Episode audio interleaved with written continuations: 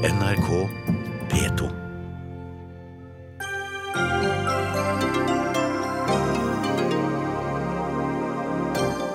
Massiv kritikk mot politiets håndtering av nazimarsj i Kristiansand, men politiet holder fast ved at det var riktig å la nynazistene demonstrere.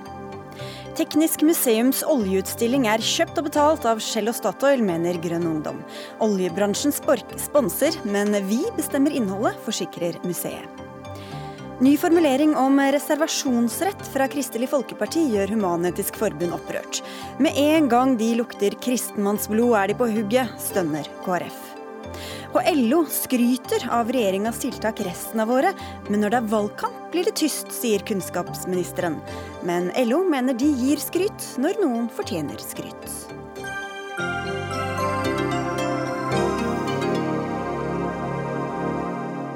Jeg heter Sigrid Solund, og dette er Dagsnytt 18 i NRK P2 og NRK2. Mange ble opprørt da en nynazistisk gruppe marsjerte gjennom Kristiansand sentrum lørdag formiddag. Gruppa Den nordiske motstandsbevegelsen hadde ikke meldt fra om demonstrasjonen på forhånd. Med grønne flagg gikk et sekstitalls personer gjennom hovedgaten i byen uten at politiet grep inn. Derimot ble to personer som konfronterte demonstrantene, vist bort av politiet. Mali Steiro Tronsmoen, du er førstekandidat for SV i Vest-Agder og holdt appell på en motdemonstrasjon i går. Og du sier at politiet bør be om unnskyldning også for måten de håndterte demonstrasjonen på. Hvorfor det? Jo, det skal jeg forklare. Eh, men først så syns jeg jeg må få lov til å si litt om hvem det egentlig var som altså tok seg til rette i Kristiansands paradegate her på lørdag. For dette det er jo ikke bare en organisasjon som har noen ekstreme og marginale meninger. Det dreier seg altså om en svært voldelig bevegelse, som bare det siste året har stått bak drap på en antirasist, drap på en, trans, en antirasist i Finland, en transkvinne i Sverige. De har gjennomført tre bombeaksjoner i Sverige, to av dem retta mot eh, flyktningeboliger og én retta mot bokhandelen til en venstreorientert fagforening. Dette er en ekstremt voldelig bevegelse, og det de gjorde her i Kristiansand på lørdag, det var altså at de henta inn sine folk fra Sverige, fra Danmark, fra Finland og, og, de veldig få som de har rundt omkring i Norge, for å kunne marsjere gjennom Sommer-Norges paradegate nummer én i en helt taus og veldig truende markering for å kunne erklære Kristiansand for nasjonalsosialistisk sone. Så jeg syns vi må absolutt uh, være klar over at i møte med disse menneskene, så kan vi ikke være naive. Mm. og når de altså inntok Kristiansand uten å melde fra til politiet, så handler det nettopp om at de ønsker å stille seg over vår ordensmakt. Og det burde ikke Kristiansandspolitiet ha tillatt dem å gjøre. Nei, Hva burde de gjort da? Nei, Jeg mener at de burde stoppa disse menneskene før uh, de kunne komme så langt som til hovedgata i Kristiansand. Dette var en demonstrasjon demonstrasjon som ikke var meldt inn, som dermed ikke var lovlig. Eh, og det er klart at politiet da i møte med disse demonstrantene burde sagt Hei, stopp en hal, dere får ikke innta Norges sommerhovedstad eh, midt i fellesferien. Mm. Du skal få ordet senere, men skal til deg, Arne Sundvold. Du er fungerende politimester i Agder politidistrikt. Hvorfor fikk de lov til å gjennomføre denne marsjen, til tross for at de ikke hadde meldt fra på forhånd? Det gjorde de fordi vi vurderte at uh, vi ikke klarte å stoppe de før de var i gang med marsjen. Vi hadde en plan om at eh, dersom vi ved eh, dialog uten bruk av makt kunne stanse de, så var det ønskelig. Eh, når vi da fikk melding fra de som var ute og hadde ansvar for det operative, om at det var i gang. De hadde ikke lykkes med det. Så ble beslutninga om å la de gjennomføre denne og følge med og ikke stoppe eh, dette med en pga. en formalovertredelse som det å ikke melde ifra om dette, for å ikke hindre ytringsfriheten og så, forsamlingsfriheten. Så dere ønsket opprinnelig å stanse demonstrasjonen? Vi ønsket å stanse demonstrasjonen, men vi ønsket ikke å bruke makt eh, for å stanse den. Eh, og vi valgte derfor å la det gå, fordi vi mente vi skulle ikke bruke makt for å, å stanse de i dette. Hvilket signal sender dere hvis dere lar frykt for håndgemeng eller bråk eh, overstyre dette hensynet dere opprinnelig hadde om å ønske å stanse demonstrasjonen? Ja, det er jo det som er vanskelig for oss. Det er jo at vi, enten vi gjør det ene eller det andre, så sender vi signaler. Vi var kjent med, og er godt kjent med, historikken til organisasjonen, og iallfall en del av dens medlemmer. Vi er kjent med at det i andre land har vært demonstrasjoner der det har blitt gateslagsmål eh, som følge av inngripen fra politiet eller eh, konflikter mellom demonstranter på andre sida. Mm. Eh, og Vi ønska å sørge for at dette ikke medførte et gateslagsmål i Kristiansand. Og Derfor valgte vi å, å gi de anledning til å gjennomføre demonstrasjonen. Det var jo to som stilte seg opp foran toget og ble tatt til side av politiet. Den ene ble iført håndjern, den andre ble bedt om å forlate stedet. Hvorfor var det riktig å gripe inn mot disse, men altså ikke mot de som opprinnelig demonstrerte? Jo, og Det er jo det vanskeligste politiet gjør når vi har demonstrasjoner. Enten det er det ene eller andre formålet med demonstrasjonen, så er det ofte sånn at både publikum og eh, borgere som er til stede, kan finne på å enten gi uttrykk for motargumenter eller fysisk blande seg inn i det som foregår. Eh, og da kan politiet noen ganger velge å håndtere personer som eh, har frykt for at de sjøl, de personene, skal bli skada, eller at eh, situasjonen skal eskalere, eller at politiets arbeid skal bli vanskeliggjort. Og, og den vurderinga gjøres av mannskapene som er ute. Og det ble gjort. Noe vi ikke ønsker skal skje, men det ble valgt som en løsning her. Steirud Tromsson, her er det jo praktiske årsaker, da. Og hensynet til, eh, til fred og at ingen skal bli skada som ligger til grunn? Jo, men dette holder ikke. Eh, det er altså sånn at Når disse menneskene får lov til å marsjere nedover gågata vår her i Kristiansand, så innebærer jo det en trussel mot folk. En ting er at de altså de spytta på innvandrere i gata. De brukte jo også eh, slag og ukvemsord mot folk som, som sto på sida.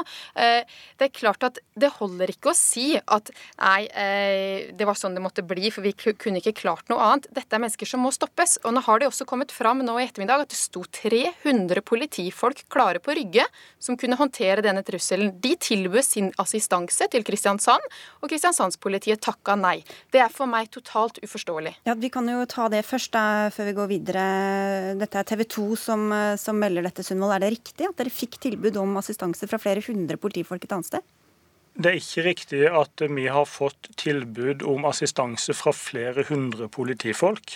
Fra det, andre politifolk? Fra andre politifolk. Det er i alle fall ikke kjent for meg. Men det er riktig at Øst politidistrikt, som hadde en forventning om at dette skulle skje, hadde en ressurs.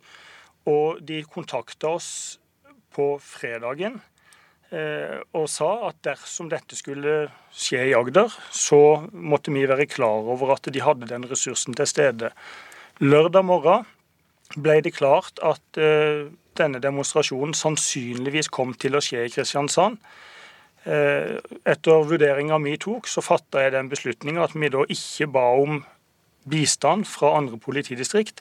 For vi mente vi hadde nok ressurser til å håndtere men, dette men. Men hvis dere ikke mente dere hadde nok ressurser til å stanse noe dere opprinnelig ønsket å stanse, og så fikk tilbud om assistanse som dere takket nei til, hvor er logikken i det? Vi ønska ikke å stanse dette med bruk av makt. Og Derfor hadde vi nok ressurser. Hvis vi klarte det med dialog, så ville vi klare det. Hvis ikke vi klarte det, så ville vi la det gjennomføres. Og Det var ikke ønska fra oss å stanse dette med bruk av makt. Dere ba vil... dem pent om å stanse, var det det dere gjorde? Eller var... Ja, det var jo det som ble problemet. At eh, dette, de kom egentlig ikke i den kontakten med dem, fordi at vi hadde ikke alle detaljer om hvor de skulle starte og, og hvor dette skulle være. Så politiet eh, som var ute, har i alle fall rapportert at de ga et forsøk på å stanse de eh, med en eh, mild måte, uten at det lykkes, og dermed lot vi de gå. Men, men dette er jo direkte pinlig. Altså, Hvis du virkelig mener at denne markeringa ikke burde funnet sted, og, og, det burde den jo virkelig ikke gjort altså som sagt, Det de gjør, er jo at de prøver å erklære Kristiansand som nazifisert sone. Det bør de selvfølgelig ikke få lov til. Ja, Det kan men, jo alle bare si. Det betyr jo egentlig ingenting. Det er klart, selvfølgelig, men, men, det er jo det som er målet deres med en sånn markering. Det er jo å vise at de kan stille seg over ordensmakten, at ø, politiet ikke kan instruere dem, at de kan ta seg til rette, at de kan paradere ned den viktigste gata i, i, i Norge i slutten av juli, og at de har makta til å stille seg over ordensmakten. Det er jo skammelig. Jeg mener Her må justisministeren på banen, og så må han si eh, mener du, hvordan mener du politiet burde håndtert dette? Kan man forsvare at politiet skal si at ja, ja, så lenge de hadde lyst til å utfordre oss, så til og med var villige til å bruke vold mot politiet, så må de få lov til å ture fram okay, men slik som de vil. Da skal vi få høre med justis- og beredskapsminister Per-Willy Amundsen fra Frp. Du har jo sagt at du har tillit til de politifaglige vurderingene når du nå også sitter med disse nye opplysningene. Hva synes du om hvordan dette ble håndtert? For det første så er det et faktum at eh, når vi opplever uh, saker som dette, så går, det, uh, så går det gysninger nedover ryggen på oss alle. Uh, det er en svært ubehagelig opplevelse å se at nynazister går gjennom norske mm. gater.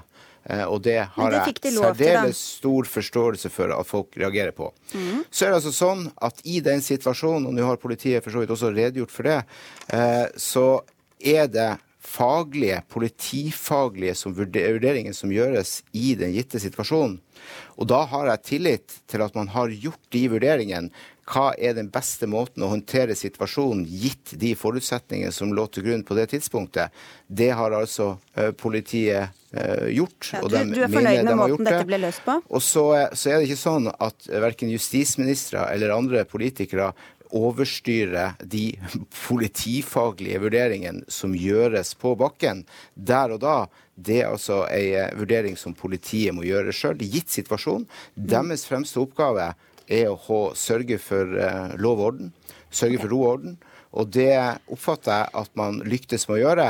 Eh, men eh, det er altså ikke en politisk oppgave å styre politiske altså vurderingen som gjøres Alle sitter forskjellige steder. Jeg skjønner. Men vi må få inn en, en siste person her også. Anine Kierulf, du er fagdirektør ved Norges nasjonale institutt institusjon for menneskerettigheter. Og du var med i Dagsnytt 18 i forbindelse med den opprinnelige demonstrasjonen fra, i Fredrikstad, som altså ble nektet, og som flyttet seg da til denne demonstrasjonen vi snakker om nå. Hvordan ser denne håndteringa ut fra ditt ståsted? Altså, eh, det er noen, eh, kanskje bare én misforståelse å rydde opp i først. Det er ikke slik at man eh, må søke om å avholde demonstrasjon for å få lov å demonstrere. Utgangspunktet er at man har frihet, ytringsfrihet og forsamlingsfrihet til å gjøre det og ytre seg på den måten. Gitt at man holder seg innenfor grensene for hva det er lovlig å si og gjøre, selvfølgelig. Eh, så er det en meldeplikt, eh, både for at politiet skal kunne legge til rette for hvordan dette skal skje på en måte som ivaretar samfunnssikkerheten, eh, og også for å ivareta for så vidt de demonstrerendes sikkerhet, hvis det er nødvendig. Det at man ikke overholder denne meldeplikten, det kan jo forfølges i ettertid. Selvfølgelig kan man jo bøtelegges for. Men, det har politiet sagt at de skal se på. Ja. muligheten for. Men det er ikke gitt at demonstrasjonen er ulovlig fordi om den ikke er meldt. Det er bare, bare for å ha det på plass. Så er det jo hva gjør man da når dette plutselig skjer? Eh, og, og, jeg eh, føler ikke at jeg har nok informasjon til å gå inn i disse vurderingene med disse 300 politifolkene som kunne vært tilkalt, og hvilke vurderinger som er gjort der. Men da, jo, da settes jo politiet i den vanskelige situasjonen at man enten kan søke å oppløse den demonstrasjonen som ikke er omsøkt på forhånd. Eh, eller at man lar den gå fordi det tross alt er lovlig å demonstrere. Og da har man da gjort det siste i dette tilfellet ut fra, så vidt jeg skjønner, en vurdering av at det er det som ivaretar samfunnssikkerheten best. Men hva med ytringsfriheten til de to som ville vise sin avsky mot denne demonstrasjonen, da, men ja, så ble det lagt i håndjern og vist eh, av gårde? Det er jo prinsipielt veldig vanskelig, ikke sant. For de har jo like stor rett til å ytre seg. Eh, og de inntar jo for så vidt da den heltemodige rollen der å stå imot og vise at de ikke er redde i denne situasjonen, og det er jo et viktig signal. Eh, men det er da i politiets vurdering noe som kan eskalere konflikten, og derfor blir de bedt om å flytte seg, eller flyttet eh, rent fysisk. Og det fremstår jo utrolig urettferdig og håpløst, gitt at så mange av oss mener at det er disse nazistene som, som vi tar avstand fra, og denne motdemonstrasjonen som vi gjerne ser ser eh, flere av. Og, og, og, vi vil gjerne egentlig at ytringsfriheten nettopp skal brukes på den måten at uh, utålelige holdninger og ytringer møtes med sterke avskymarkeringer og motytringer. Sånn at det blir vanskelig. Men, men det, er, det, er, viktig å, å, å, tenke på hvordan denne situasjonen har vært for politiet i, den aktuelle, uh, i, på, i det aktuelle øyeblikket. Hva er det som skjer da? Da må nesten politiet få bestemme. Og hvis man setter seg utover politiets påbud, Eh, så, så, må det føre til reaksjoner. For, eh, for, du kan ikke ha at alle overprøver politiet i enhver situasjon. Da, da, får du i hvert fall en utfordring av voldsmonopolet. Per Willy Amundsen, du ville heller ikke gå inn i, og du sier du har tillit til politiet. Men dersom det nå er riktig da, at, det, at de fikk, eller det fikk de også tilbud om assistanse og takket nei til det, hva, og, og hva politiet skal prioritere og ikke, er jo også en politisk oppgave. Hva sier det om om det politiske Norges eh, fokus på eh, å bekjempe nynazisme. Vi hadde akkurat noen saker om medlemmer fra regjeringa som var ute og bekymret seg over norske verdier. Hva med trusselen mot de norske verdiene fra nynazistene? Hvor stort fokus er det på det? Det er eh, selvfølgelig uansett eh, radikale eh, politiske grupperinger som er antidemokratiske, som er voldsforherligende og som har menneskefiendtlige skal vi si, standpunkt så er det selvfølgelig noe som vekker avsky hos de aller fleste av oss. Men er det en prioritert sånn oppgave? At, så, ja, Jobben mot radikalisering den har denne regjeringa jobba med lenge. Og det er en kontinuerlig eh, arbeid som pågår eh, gjennom handlingsplan mot radikalisering. Vi har styrka Politiets sikkerhetstjeneste, som eh, følger oppsyn med disse grupperingene, uansett om det være seg eh, høyreekstreme, venstreekstreme eller eh, radikale islamister, så er dette grupperinger som man må følge med. Politiet sin fremste oppgave, deres samfunnsoppdrag, er å ivareta lov og orden, og også unngå altså at det skjer hendelser som kunne ha skjedd, og som da har vært en vurdering i den konkrete situasjonen politifaglig vurdering. Eh, og jeg har altså tillit til at politiet har valgt å håndtere det på det de mente, gitt situasjonen, var den beste måten. Så kan ikke jeg kommentere eh, de sideopplysningene som man eh, fremsetter her, for det oppfatter jeg heller ikke at politiet i Agder kan bekrefte. Men uansett Men dette må jo justisministeren kjenne til. Hvis jeg kan få komme et spørsmål her til justisministeren. Altså, Den bevegelsen som nå tok seg til rette her i Kristiansand, det er den samme bevegelsen som svenske sikkerhetsmyndigheter sier at er den største innenrikstrusselen i Sverige. Det er den samme bevegelsen som den finske sikkerhetstjenesten sier at bør forbys fordi den er for farlig. Når de mobiliserer sine folk fra Sverige, fra Finland, fra Danmark, fra noen få her i Norge til å ta vår paradegate i Kristiansand, så forventer jeg at justisministeren blir orientert fra Agder-politiet. Jeg forventer at man drøfter ordentlig hvordan skal man møte dette miljøet, altså den største innenrikstrusselen, slik det svenske sikkerhetspolitiet ser det. Var justisministeren med på denne vurderingen? Hvordan vil du stille deg til tilsvarende markeringer i framtida? Vi må si stopp før disse okay, menneskene får Da må justisministeren få svare kort på det, for nå er vi snart tomme for tid, Amundsen. Ja. Eh, ja, takk, hvis jeg får lov å mm. svare på det. For det første så er dette grupperinger vi er særdeles godt kjent med. Eh, det er bare å lese den åpne trusselvurderinga til Politiets sikkerhetstjeneste, så er dette også grupperinger som er omtalt, i likhet med andre grupperinger. Det er ikke vurdert å være den eh, skal vi si, mest truende grupperinga vi har i Norge i dag, men det er ei av flere grupperinger som det følges godt med. Og det blir fulgt opp jobben mot radikalisering den har pågått lenge, den har gitt resultat. Vi prioriterer høyt dette ja. arbeidet. Og så er det et faktum at eh, jeg tror de fleste av oss ikke ønsker seg en situasjon hvor det er altså politikere som skal gå inn og styre politiet sine operative vurderinger på bakken. Det er som regel samfunn vi ikke liker å sammenligne oss med. Jeg har tillit til de vurderingene politiet gjør, eh, og deres fremste oppgave er å forebygge kriminalitet og holde ro og orden, sørge ja, og, for lovlighet. Og da må vi dessverre takke av. Vi kunne holdt på mye lenger, men takk skal dere ha alle sammen. Arne Sundvold, Mali Steir og Tronsmoen, Anine Kierulf og Per-Willy Amundsen. Dagsnytt 18 alle hverdager klokka 18. På NRK P2 og NRK2.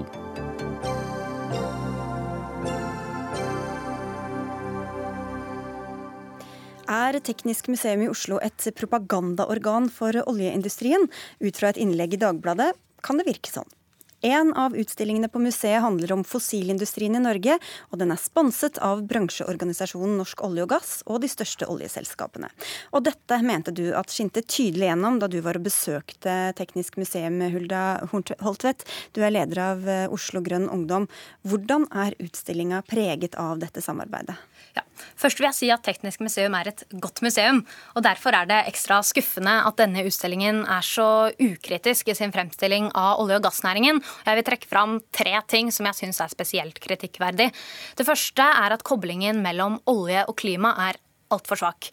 Parisavtalen nevnes ikke med et ord, og det sies heller ingenting om hvor mye olje og gass vi har igjen å utvinne innenfor Parisavtalen, og klimaendringene beskrives ikke konkret hva innebærer. Det er for lite for en utstilling som handler om en av verdens mest skitne energiformer. Det andre er at denne utstillingen eh, påstår at vi skal ha oljeutvinning i Norge i mange år fremover. Det er en høyst usikker påstand, eller høyst usikker prognose, som forutsetter bl.a. at oljeprisen stiger, og at verden ikke lykkes i å omstille seg til fornybar energi. Og når Teknisk museum opererer med sånne forutsetninger, så har de også et ansvar for å fortelle hva det betyr for klimaet. At vi ikke lykkes i den omstillingen. Det gjøres ikke her. Den tredje tingen som jeg reagerer på, det er at denne utstillingen inneholder en del rent reklamerende innhold for oljeindustrien. Det er bl.a. Eh, en plansje med tittel Nordsjøturnus, noe for deg, og det deles ut reklamebrosjyrer for oljenæringen. Og vi vet at oljebransjen jobber målrettet for å påvirke og rekruttere barn og unge. Og da syns jeg at Teknisk museum krysser en etisk grense mm. når, de, når de eh, blir talerør for en slik propaganda. Nå tok du alt på en gang her, men vi får begynne med én ting. da. Hans Weinberger, du er direktør i Teknisk museum. Først, er dere kjøpt og betalt av oljebransjen? Nei, det mener vi nok at vi ikke er. Uh, altså, uh Det är så här, vi, Textmuseum bygger många olika typer av utställningar. Och eh, vi försöker hålla ett, en hög nivå när vi bygger våra utställningar och både temporära och fasta utställningar. Och, eh, vi får både stora och små bidrag till nästan alla utställningar vi gör. Eh, och ibland är bidragen eh, betydande, ibland är de mindre betydande. Men vi menar ju att vi är så, så ansvariga utgivare för alle våre utstillinger. Vi tar ansvar for alt mm. innhold. Hvor mye penger har dere fått fra oljebransjen for denne, da? Ja, Vi fikk en hel del penger. Jeg tror vi fikk eh, sju millioner kroner mm. uh, for denne utstillingen. Men, uh, men kostnaden for å bygge utstillingen er mer enn så. Men er det noe, et, ja, unnskyld, er, er, det noe i den utstillingen som du tror at bransjen kunne vært uenig i, eller skulle ønske var framstilt annerledes, eller skulle ønske ikke var der? Ja, så vi har haft en, eh, vi har producerat allt innehåll i utställningen og vi har ikke møtt store protester fra oljeindustrin når det gjelder hvordan vi har framställt oljeindustrin. Det har vi ikke. Vi har, vi har ju flera teman varav ett då är klima och klimatpåverkningar. Eh, och det temat går ju igenom utställningen på en hel del olika ställen där vi pekar på eh, till exempel utsläpp för for oljeutvinning og sånne saker. Vi, vi pekar på att at eh, det her er en, en stor fråga, klimatpåverkan for framtiden. Eh, sen måste jag också kommentera det at vi, det er klart att den här utställningen huvudsakligen är tänkt å være en historisk framställning over oljeindustrin. Och Hulda pekar ju på en del saker som, som inte är med, som till exempel Parisavtalet. Nu invigdes utställningen i 2014 da då var Parisavtalet ännu inte avslutat eller slutet så att säga. Eh, det är klart att det finns alltid behov för att uppdatera utställningar kontinuerligt och det är ett problem som museer har ibland att skyltar blir lite, lite gammalmodiga och man borde egentligen, alltså ju mera eh, samtidsaktuell man försöker vara i en utställning desto desto svårare blir det å holde den helt aktuell hele tiden. Men for å ta det litt overordnede, Holtvedt Du skal få slippe å Dere ja, trenger ikke å ta alt på en gang, alle, begge to. Eh, fordi en, en, en, en, utstilling som handler om norsk olje og gass, må jo nødvendigvis handle om norsk olje og gass og den historien det har vært igjennom. Eh, så har de andre utstillinger som handler om klimaendringene. Så hvorfor skal liksom, alt inn i den en og samme utstilling? Ja, Teknisk museum sier jo nå at dette er en utstilling om ø, oljehistorie. Det er det ikke bare. På Teknisk museum sin sine egne nettsider så står det at eh, hensikten med utstillingen er å gi oljebransjen en representativ arena i hovedstaden. Og da lurer jeg på Hvorfor skal oljebransjen ha en representativ arena i hovedstaden? De har noen av landets største markedsføringsbudsjetter og kan skaffe seg representative arenaer nesten overalt. Teknisk museum utarbeider undervisningsmateriell for flere hundre tusen elever og har et samfunnsansvar. Og da mener jeg at de også har et samfunnsansvar Eh, for å fremstille oljeindustrien mer nyansert enn det som gjøres her. Ja, fordi hun fant uh, rekrutteringsbransje for fossil, uh, for fossilbransjen, ikke for fornybarbransjen. så vidt Nei, jeg forstått. ikke for fornybarbransjen. Og jeg var på Folkemuseet her om dagen. Der var det heller ikke noe reklame for å bli bonde. Jeg tviler at uh, man blir rekruttert som trikkefører på Sporveismuseet, og på Postmuseet så blir man heller ikke rekruttert mm. som postmann. Så her er det åpenbart at oljebransjen har fått noen særfordeler, enten fordi de betaler mye, eller av andre grunner. Det skal ikke jeg spekulere i, men oljebransjen fremstilles i et annet lys enn fornybar energi f.eks. Er det sånn Weinberger, at det er et mål for Teknisk museum å rekruttere unge inn i oljebransjen med denne utstillinga? Nei, det, det, er det ikke. Altså, vi, er, vi er et museum som som är ålagda, en av våre uppgifter, vi är pålagda att, att for arbeta för rekrytering av, av, barn och ungdom til, til teknik og naturfag. Eh, en så realfagsrekrytering. Och, och, och, det gör vi också eh, när det gäller alla olika typer av eh, tekniska branscher och sånt. Det är inte generellt inriktat på oljeindustri eller någon annan bransch. Eh, det finns flera saker att säga om detta. Alltså, för oss är det väldigt viktigt att, att uh, man kan visst få dela ut flyers på Tekniskt museum där det klart framgår vem det är som är avsändare. I det här fallet är det inte vi som är avsändare utan det är då som är avsändare. Om andra aktörer också vill göra så, så inom andra branscher så låter det sig också göras om man, om man, om man har så att säga, intresse för att göra det. Mm. Sen vill jag bara kommentera detta att det är klart att eh, vi, även om vi är museum som inte är fullt så forntida att vi inte inser att, att det är ett av kanske vårt största hot för framtiden är klimatförändringarna. Jag vill understryka att vi har haft flera utställningar om klimaforandringer. klimatförändringar. Vi hade en stor klimatutställning i 2008-2009, Klima X som invigdes av IPCCs ordførende. Eh, ja, men det, jeg kritiserer jo denne utstillingen. Eh, ja. og, og, Det er den jo, men, elevene ser når de kommer på skolen, og det er den som gir et ensidig bilde av oljenæringen.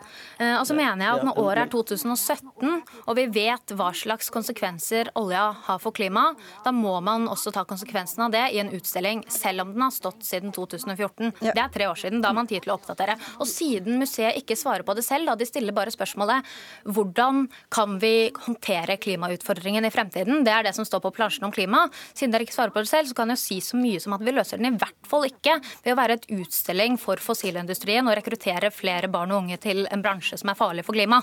Da får vi bare spørre helt avslutningsvis, da, Berger, kommer dere til å endre på noe eller, eller avslutte utstillinga etter hvert?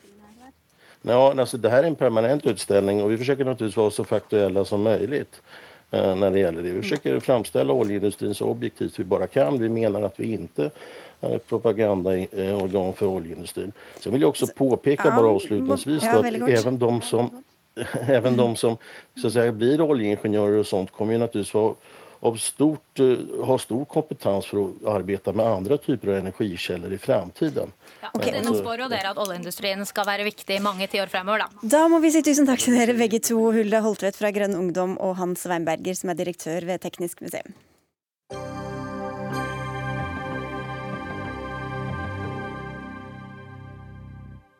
Utvisninga av 755 personer i det amerikanske diplomatiet i Russland er en av de mest omfattende i historien. Bakgrunnen for den russiske reaksjonen er at Kongressen i Washington natt til fredag vedtok en ny pakke sanksjoner rettet mot Russland, Iran og Nord-Korea. I går kveld sa president Vladimir Putin at han ikke ser noen snarlig bedring i forholdet til USA. Morten Jentoft, du er korrespondent i Moskva, og du har besøkt området i dag der deler av det amerikanske diplomatiet holder til. Hvordan var stemninga der? Ja, jeg var først og besøkte et stort lagerområde som ligger sør her i Moskva, som har vært disponert av den amerikanske ambassaden. Der var det ganske stor aktivitet. Man uh, kjørte tydeligvis ut uh, utstyr, materiell fra dette lageret. Det skal jo være tømt uh, innen klokken 24 lokal tid i, i, natt. Sånn at der var man i full aktivitet med det. Ingen ville selvfølgelig snakke med pressen. Det var jo et titalls med russiske TV-stasjoner politistasjoner på plass utenfor der som følger da, denne diplomatkrigen fra time til time. Jeg var også ute i Sølvskogens Treblinibor, der eh, amerikanerne har disponert et stort ferieområde. Eh, der var det stengte dører, liten aktivitet. Det var tydelig at det området var allerede rømt. Og jeg har snakket litt med folk i eh, diplomatiet i dag, og det er klart at amerikanerne er sjokkert over det som nå skjer. Hundrevis av deres spesialister på Russland må kanskje forlate jobben sin. og Det skaper jo usikkerhet i hva som kommer til å skje videre i forholdet mellom Russland og USA.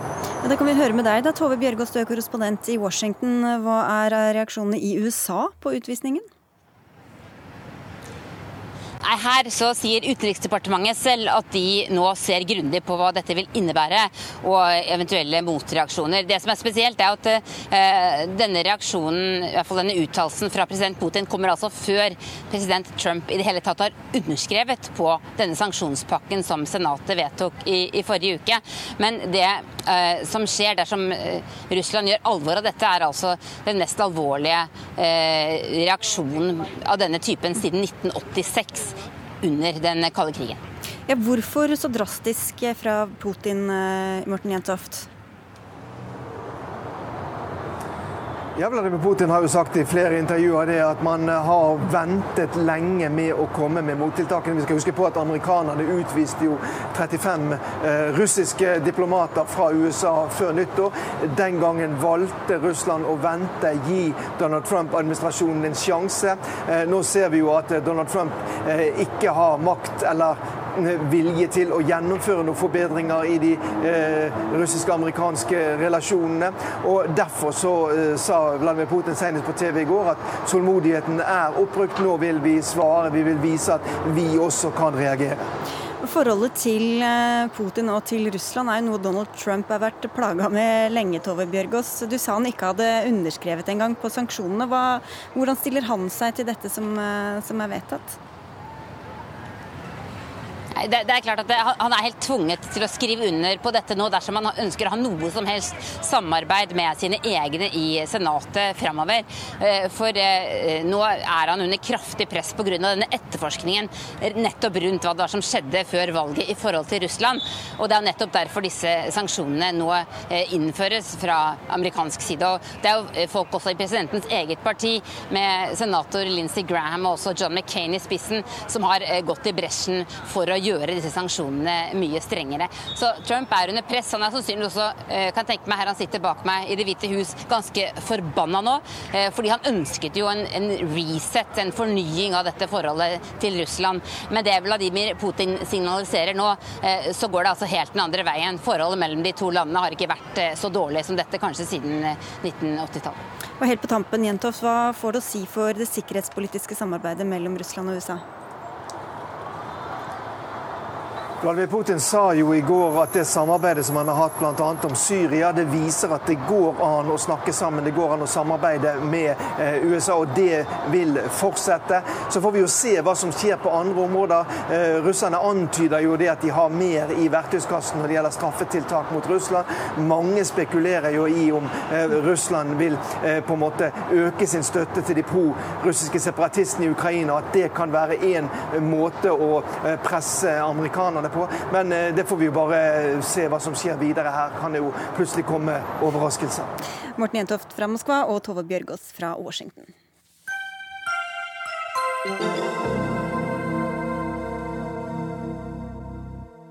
NRKs eh, ungdomskanal P3 får kritikk fra flere hold for eh, musikkprofilen sin om dagen. Noen mener de bedre burde reflektert hva ungdom faktisk laster ned og lytter til.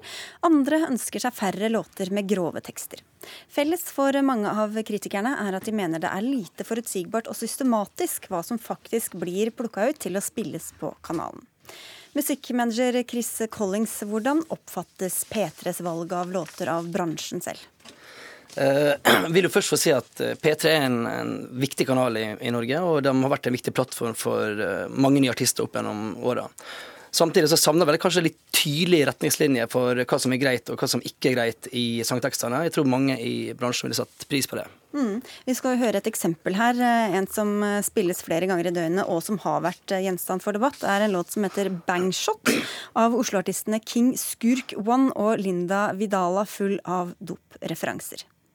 Er du hypp på å bli hjerneskada? Drikk shots med meg, òg. Uh, bench up, motherfucker. Er du keen på å bli skækk, eller? Skal du legge opp noe hash, eller?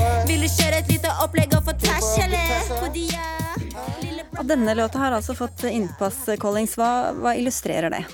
Uh, først må jeg si at jeg personlig har ingenting imot den låta. Jeg syns det er en, en, fet låt. Men uh, klart, når, når, den låta skipper inn, og mye andre låter ikke skipper inn, så sender jo det signal til bransjen som gjør at man blir usikker på hva som er greit. Debatten starta for et par uker siden, da Staysman eh, Stian Torbjørnsen anklaga musikkbransjen for dobbeltmoral, i og med at Bangshot ikke blir kritisert av bransjen, eh, mens, eh, mens annet Tix og låta Dory har fått mye kritikk. Dette er ikke låter som veldig mange i vårt publikum hører på daglig, tror jeg. Så hva er, hva er, hva er forskjellen på de to, da? Ja, musikkmessig så er det stor forskjell i forhold til melodi, men tekstmessig, som har vært, eh, det som har vært gjenstand for debatten, så er jo, eh, går begge to på både med party og, og, og sex og, mm. og, ja. Men så er det litt ulike sjangre.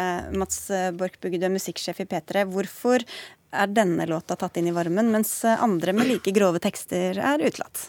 Eh, ja, altså Det er mange grunner til at den låta eh, er spillelistet. og Det er en helhetlig vurdering av låta. Og så er det eh, en sånn veldig tydelig tendens blant veldig mange kritiske røster til å utelukkende fokusere på tekstinnhold. Og man tar det for gitt at eh, eksempelvis da Tix eller eh, Vidar Villa eller altså hvem det måtte være, eh, utelukkende ikke listes på bakgrunn av tekstinnholdet. Og sånn er det ikke nødvendigvis. Det er en helhetlig vurdering vi er en gruppe mennesker som gjør, som handler om produksjon. Er det nyskapende? Er det spennende? Er det kult? Skiller det seg ut? Har vi troa på dette her? Eller, og er det kanskje aller viktigst, er det musikk som eh, ikke vil finne veien til massene eh, dersom vi eh, ikke gjør noe? Som mange av de andre gjør uansett. Altså Nevnte Vidar Villa strømmer titalls millioner ganger uten å ha vært spillelistet på P3.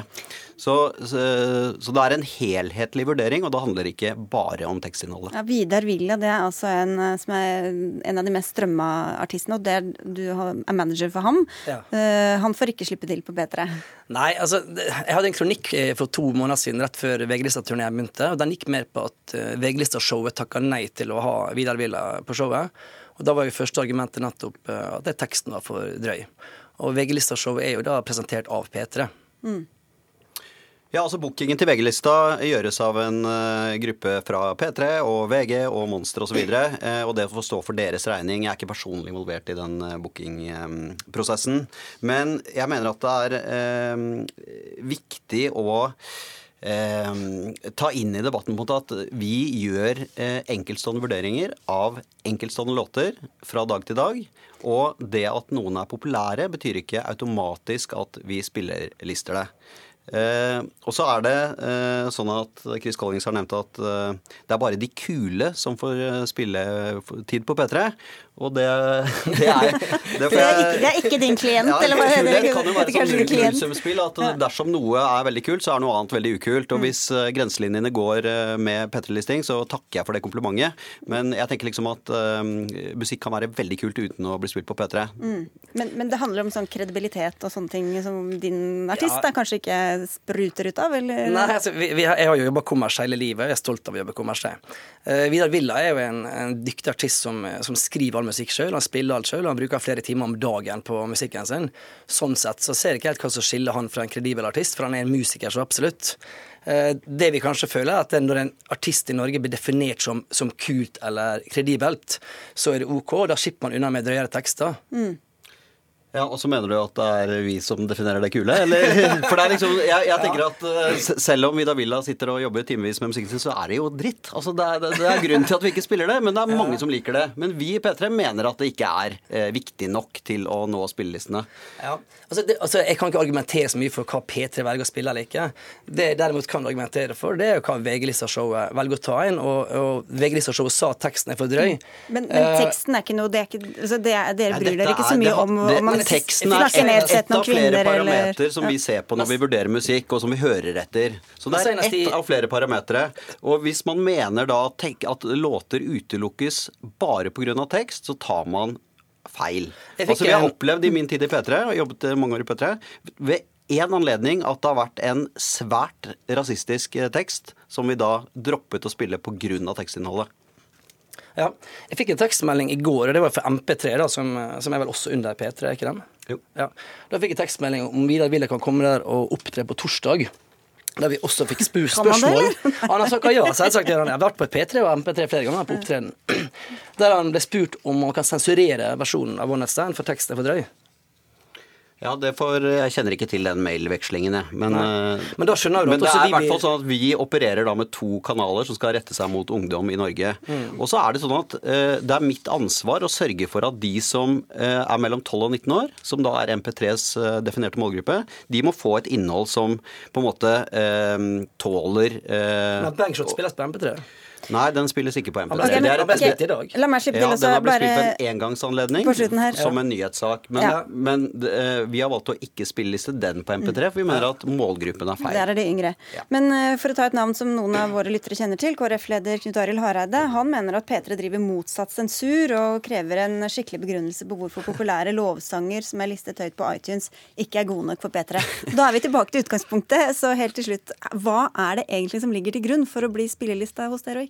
Nei, det er om vi Altså, vi hører jo på mange hundre låter og velger ut eh, et fåtall av det vi hører på. Så det er jo de færreste som får spilletid. Og popularitet har ingenting med det å gjøre? Det kan være ett parameter, eh, og, og, så er det veldig mange andre parametere vi eh, jobber etter. Eh, når det gjelder akta, så har vi vurdert låtene og vurdert de som Det er det Hareides favoritter, ja. ja. ja.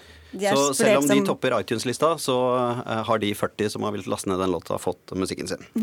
Da får alle google og søke på alle navnene som er eh, nevnt her, og vurdere sjøl. Takk skal dere ha begge to, Mats Borch Bugge fra P3 og Chris Collings, som altså er musikkmanager. Hør Dagsnytt 18 når du vil. Radio NRK.no.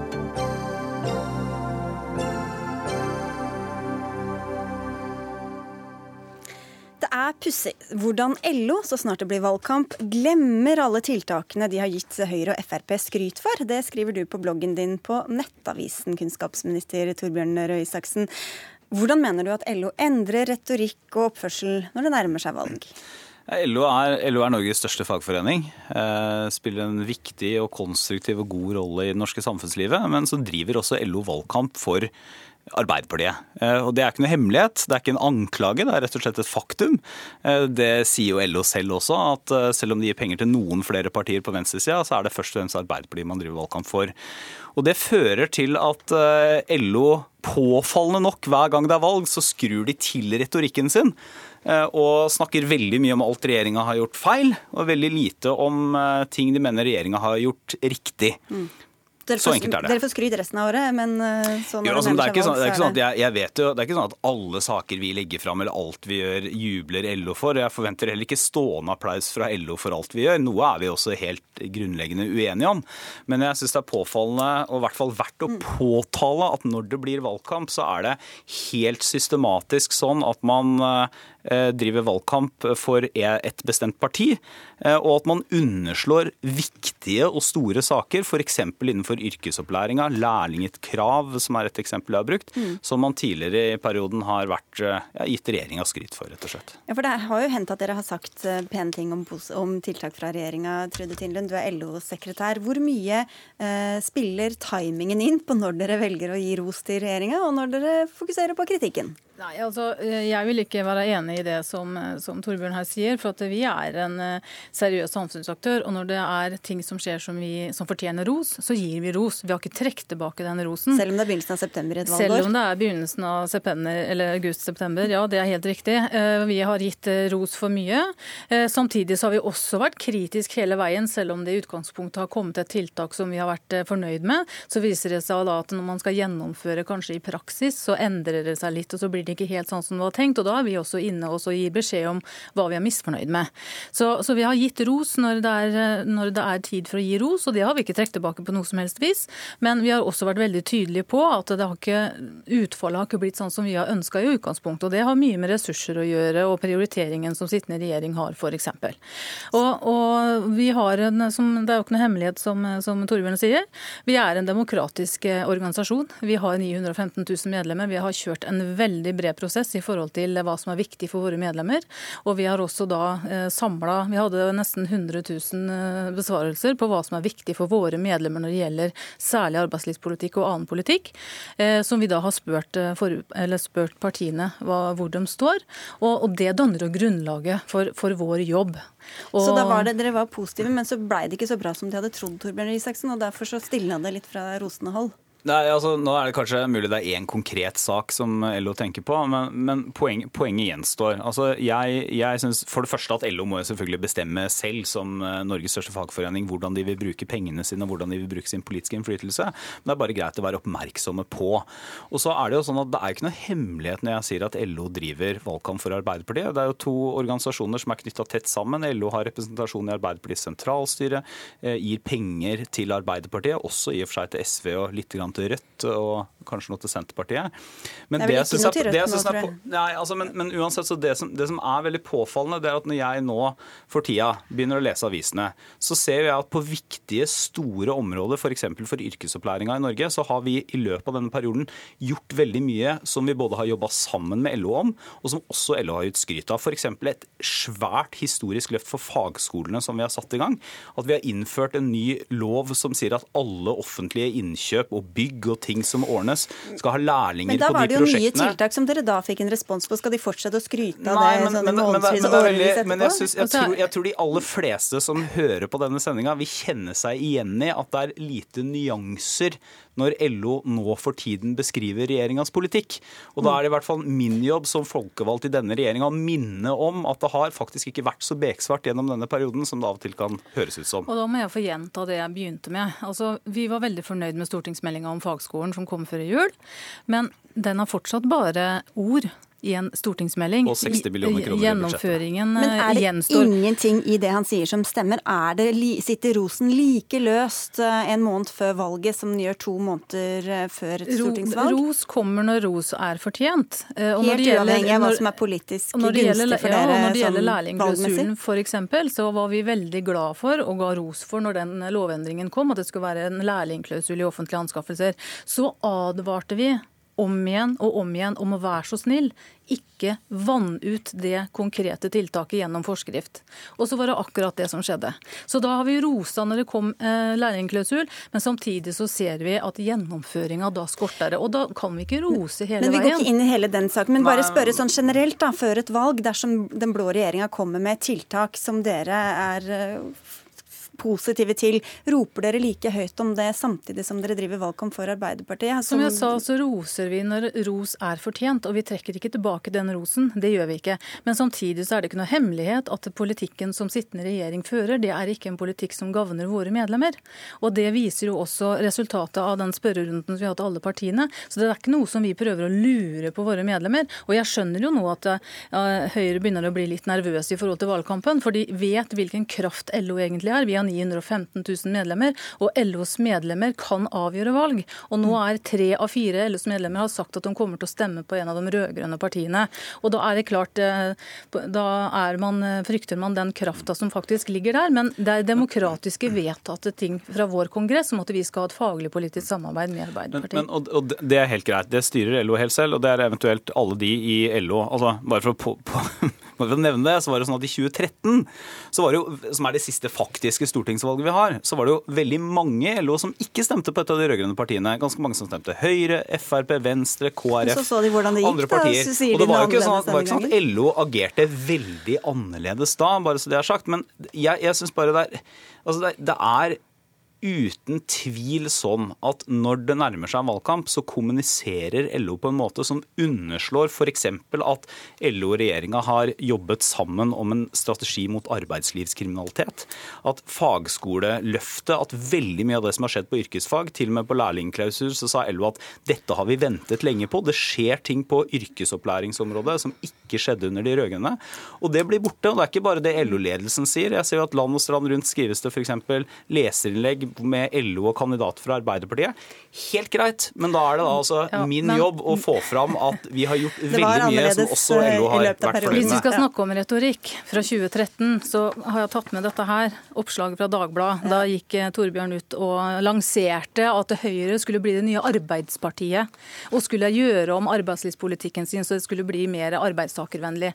Vi vet alle hvordan det gikk. Ja, det, Så- gikk, og det gikk omtrent akkurat som jeg sa. Jeg fikk gjennomslag, og vi fikk Nei, gjennomslag på altså Høyres som var, det var det du sa at Hvis jeg bare kan si det sånn. som en det er jeg som har ordet. Den jevne arbeidstakeren kommer ikke til å eh, merke Mm. noe av endringene, sa du. Den kommer til å være ønska langt inn i. LO, og det var det stikk motsatte som skjedde. valgkampen er i gang, Ja, men hvis jeg kan si det, så var det alle forslagene som jeg sto i bresjen for foran det landsmøtet, fikk flertall i Høyres partiprogram, bl.a. at Høyre gjorde et historisk vedtak om å beholde fradraget for fagforeningskontingent. Det fikk skryt av LO da, men det er åpenbart nå glemt fire år etterpå. Ja, men det er bra du kan minne oss på det. Takk skal du ha, Torbjørn Røe Isaksen, og takk til deg, Trude Tindlund fra LO.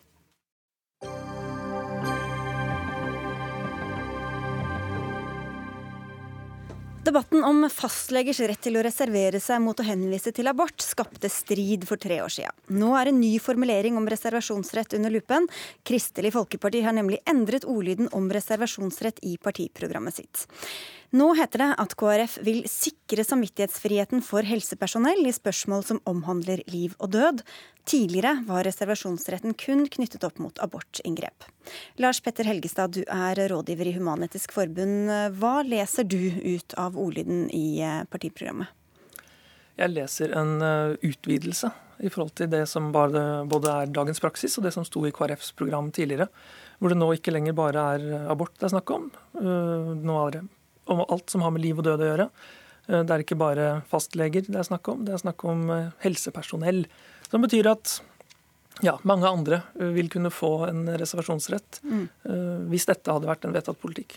Olaug Bollestad, du er stortingsrepresentant for KrF. Fra abortinngrep til liv og død, hva var intensjonen med å endre denne ordlyden? Det, intensjonen var jo at vi satte ned et samvittighetsutvalg eh, når diskusjonen gikk på reservasjonsmulighet for fastleger til å henvise til abort. Eh, det samvittighetsutvalget det konkluderte med akkurat det som står i i vårt program at reservasjonsmuligheten skal være der i liv, eller reservasjonsretten skal være i liv-død-spørsmål. Det samme er det Europarådet har gjort eh, i, eh, og vedtatt at det, det, skal være reservasjonsadgang for helsepersonell i liv-død-spørsmål. Så dette er ikke noe annet enn det som veldig mange andre organisasjoner har gjort. Og Det betyr for KrFs side at det er eh, ofte diskusjonen som går på eh, abortspørsmål, og der vi faktisk sammen med regjeringa i nettopp det som kom opp for tre år siden, og Legeforeningen, løste det med å si at det er en reservasjonsmulighet for henvisning til abort. Fordi For noen leger var det en del av abortinngrepet. Men det betyr ikke, og det var aldri en problemstilling, om at en skulle la være å få reservasjon for å informere om abort og veilede i det henseende som står i abortloven sin forskrift. Um, og Legeforeningen sier òg det samme, at vi ser at i framtid kan det komme noen spørsmål på liv og død-spørsmål som vi ikke ser i dag. Mm. F.eks. på aktiv dødshjelp, som vi vet veldig mange land i Europa har godkjent. Og det er sånne spørsmål KrF sier at vi ønsker at den reservasjonsmuligheten skal være. Så skal jeg bare si én ting til slutt. Human-Etisk for, Human Forbund de har jo akseptert samvittighetsfrihet når det gjelder reservasjonen, som jeg eh, helt sa, sa feil til, og, og, som jeg har beklagt. Det er at eh, når de sa det når det gjelder omskjæring av guttebarn, da uh, sa de ja til reservasjonsmulighet. Det betyr at de har knesett et, et, uh, et prinsipp om at samvittighetsfrihet finnes der. Og da mener KrF at det kan ikke bare være når Human-Etisk Forbund aksepterer at det er en sak de kan godkjenne. Mm. Det må være sånn i liv-død-spørsmål, og det er det som KrF er opptatt av i det norske arbeidslivet for helsepersonell. Ja, Den store forskjellen her er jo at uh, det er konkrete tilfeller som det tas stilling til. Ja, det stemmer. Vi har støttet uh, at, man ikke, at, man skal ha reservasjonsrett for å delta i inngrepet ved rituell omskjæring av gutter. På samme måte som når man deltar i inngrepet når det gjelder abort f.eks. Men, men denne, denne, formuleringen som KrF nå ligger på, er, vil jo gjøre at en, en, katolsk helsesøster kan nekte å dele ut kondomer. At en, en uh, muslimsk apotekansatt kan si nei, du får ikke p-piller selv om du har resept fra legen din. Ja, man, man, man lar altfor mange få okay, men definere hør med Båstad, Kan det ligge innunder den, den, eh, de begrepene dere bruker? Dette her er jo egentlig sånn fiktive spørsmål, det har aldri vært en diskusjon. Nei, men hvis, de, i, ta, hvis, du tar stilling til disse fiktive spørsmålene, plutselig så dukker det opp, hva ville dere sagt til det? Nei, for dette det er spørsmål om liv-død-spørsmål, og da er ikke kondomer et liv-død-spørsmål. Et liv-spørsmål, det fins jo nå. Spørsmål om liv og død for den sædcellen og eggcellen som kunne ja, funnet sammen? Og for den katolske kirken, ja, men, som har en ganske men, streng politikk på ja, dette. Ja, men det er, ikke, det er ikke et befrukta egg, og det er jo det som har ligget i den samvittighetsprinsippet, at et befrukta egg er et livsspørsmål. Et ubefrukta egg Men andre kan jo definere det annerledes ja, enn dere og henvise sant. til deres Det er helt sant, men, mm. men, men for KrF så har dette vært et prinsipp. Ingvild Kjerkol, du er stortingsrepresentant for Arbeiderpartiet. Hvor klart eh, leser dere det KrF skriver i, i sin formulering? Nei, nå skal nå KrF sjøl få lov til å forsvare sine programformuleringer. Men så du er ikke like bekymra som det... Eh, Human-Etisk Forbund? Eh, jo, men det er klart det. Vi har jo reservasjonsrett i dag for å delta ved selve abortinngrepet. Det har eh, norsk helsepersonell i dag. Og når KrF formulerer seg sånn at man ønsker en endring, så syns jeg jo også at KrF må greie å forklare hva de ønsker å endre fra dagens regime og praksis. Eh, det er jo helsepersonell sin, sitt hovedanliggende å hjelpe pasienter. Og og i den grad det utfordrer helsepersonell sin samvittighet, så mener jo vi at den reservasjonsadgangen vi har i dag, den er helt og holdent tilstrekkelig. Og vi har ikke tenkt å være med på noen ny runde som vi hadde for tre år siden, hvor eh, eh, leger eh, fikk lov til å reservere seg også for å henvise til abort. Det er helt uaktuelt for Arbeiderpartiet i hvert fall. Men Bollestad, dere definerer det sånn som du var inne på nå. Men hvis det skal være opp til helsepersonalet selv, så kan de vel tolke alt inn i en sånn formulering som dere da, dersom dere fikk gjennomslag for en sånn formulering? Men Samvittighetsutvalget eh, sin konklusjon i NOU-en i 2016 er jo den samme som KrF eh, eh, faktisk har konkludert med. Legeforeningen ser òg at det finnes problemstillinger som ikke er definert i dag i enkelthendelser, Ingvild, men som faktisk kan komme ut ifra spørsmålet i bioteknologiloven. Da er spørsmålet hva slags, hva slags arbeidsforhold skal det være for, for, for helsepersonell? Skal det være mulig mulig å reservere seg. Human-Etisk Forbund sier ja, det skal være mulig med, med, det som er politisk korrekt med å si nei til omskjæring. Men det vil være andre spørsmål som òg vil dukke opp, som ikke vi ser i dag, men som kommer. Og det er den åpningen mm. vi vil ha muligheter for. Eksempel, skal du kunne, eh, når det er teknisk mulig, skal du kunne designe et, eh, et befrukta egg til å få de egenskapene vi syns er greie, eller skal det være en reservasjonsmulighet for vi vil ikke være med på den galeien. Det er jo det det blir spørsmål om. Og, da, og det mener jeg at det mm. skal det være rom for, på det samme måte som Europarådet mener det, og som Samvittighetsutvalget mener. Det er ingen andre ting enn det som ligger i dette. Og da staker de ut en kurs, Kjerkol, uten at vi vet nøyaktig hva teknologien vil bringe i, i framtida. Er ikke det bare redelig, da? Eh, hvis det er sånn at medisinsk hjelp er ny eller spesielt moralsk omstridt, så er jo det selvsagt noe man må diskutere. Men KrF skylder jo norske kvinner, så lenge de forhandler om flertall med ulike partier, å si hva de mener om prevensjon, om abortspørsmålet, når det er snakk om helsepersonell sin mulighet til å henvise til til abort osv. Olaug Bollestad nevnte jo sjøl det her med et befrukta egg, at da var det et spørsmål mellom liv og død. Vi har jo hatt situasjoner hvor eh, hvor en katolsk lege i, i, Norge ble oppsagt fordi hun nekta å sette inn spiral. Og Hun tapte også den rettssaken pga. at man vurderte det som forskjellsbehandling på grunnlag av kjønn. Så det er, jo, det er jo et ansvar som påligger KrF her, å være ærlig med norske kvinner. Skal vi få en ny runde, som vi hadde for tre år siden? Eller er det mulig for KrF å være tydelig på hva det er de ønsker å endre fra dagens praksis? Bolstad. KrF vi ønsker faktisk å legge til rette for um, at norske arbeidstakere skal kunne ha et vern når det gjelder grunnleggende samvittighetsspørsmål. Så litt flere som bør kunne reservere seg enn det de kan i dag? Nei, altså Det er jo spørsmål om hva problemstillinger som kommer opp. og det er jo det, når, når vi, har, vi har jo landa den saken med henvisning til abort, Ingvild. Det er ingen aktuell sak i dag. Alle kvinner som vil ha abort, kan få abort uten en henvisning. Det er faktisk løst seg. Og en har klart å ivareta arbeidstakere samtidig. Når det gjelder saken i Sauherad, så har jeg lyst til å si hvis denne kvinna, eh, eh polske legen, hadde sagt jeg kan ikke, jeg har ikke kompetanse til å legge inn spiral. Så hadde kommunen sagt ja, da skal vi finne en annen praksis. De fleste blir da sendt til gynekolog. Men fordi denne kvinnen, for kvinnene skulle få sin rettighet, men fordi denne legen sa at jeg har ikke samvittighet. Da skulle hun ikke få. Da er det okay. noe som ikke harmonerer her. Du, du får lov å slippe hvis du ikke har kompetanse, men ikke hvis du har en samvittighet. Det virker veldig spesielt. Vi er nødt til å avslutte, dessverre. Helgestad, det er fristende å si at du leser KrFs program som fanden leser Bibelen, men Bokstavtro tolkning. Vi får vente og se. Takk skal dere ha, i hvert fall alle tre. Lars Peder Helgestad fra Human-Etisk Forbund, Olag Bollestad fra KrF og Ingvild Kjerkol fra Arbeiderpartiet. Dagsnytt 18 er over for i dag. Vi høres igjen i morgen. Dag Dørum hadde ansvaret for sendinga. Lisbeth Sellereite var teknisk ansvarlig, og jeg heter Sigrid Solund og ønsker en god kveld.